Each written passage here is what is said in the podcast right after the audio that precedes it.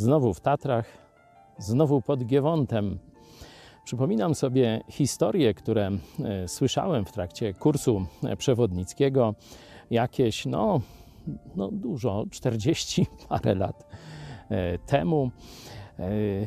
Krzyż na Giewoncie. Wiecie skąd on się tam wziął? A to efekt nauki katolickiej. Nauka katolicka mówi, że żeby otrzymać przebaczenie grzechów, to trzeba pójść do księdza, wyznać grzechy, on rzekomo tam w imieniu Chrystusa je odpuści i zada ci pokutę. I zada ci pokutę. Czyli, że masz coś takiego zrobić, żeby jak gdyby zapłacić, wynagrodzić Bogu za te grzechy.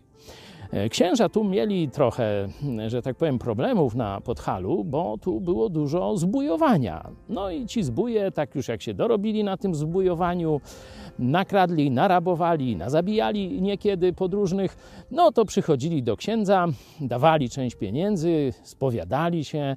Ksiądz mówił: postaw kaplickę i będzie wszystko w porządku przed Bogiem. Stąd i kapliczek dużo. Ale był tu też taki jeden ksiądz, który podwyższył poprzeczkę i wymyślił sobie, że na, krzyż, na szczycie Giewontu, najbardziej widoczna z okolic Zakopanego, z samego miasta, góra, postawi wielki metalowy krzyż.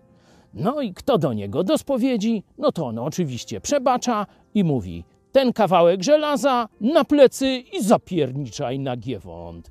No i tak powstał krzyż na Giewoncie.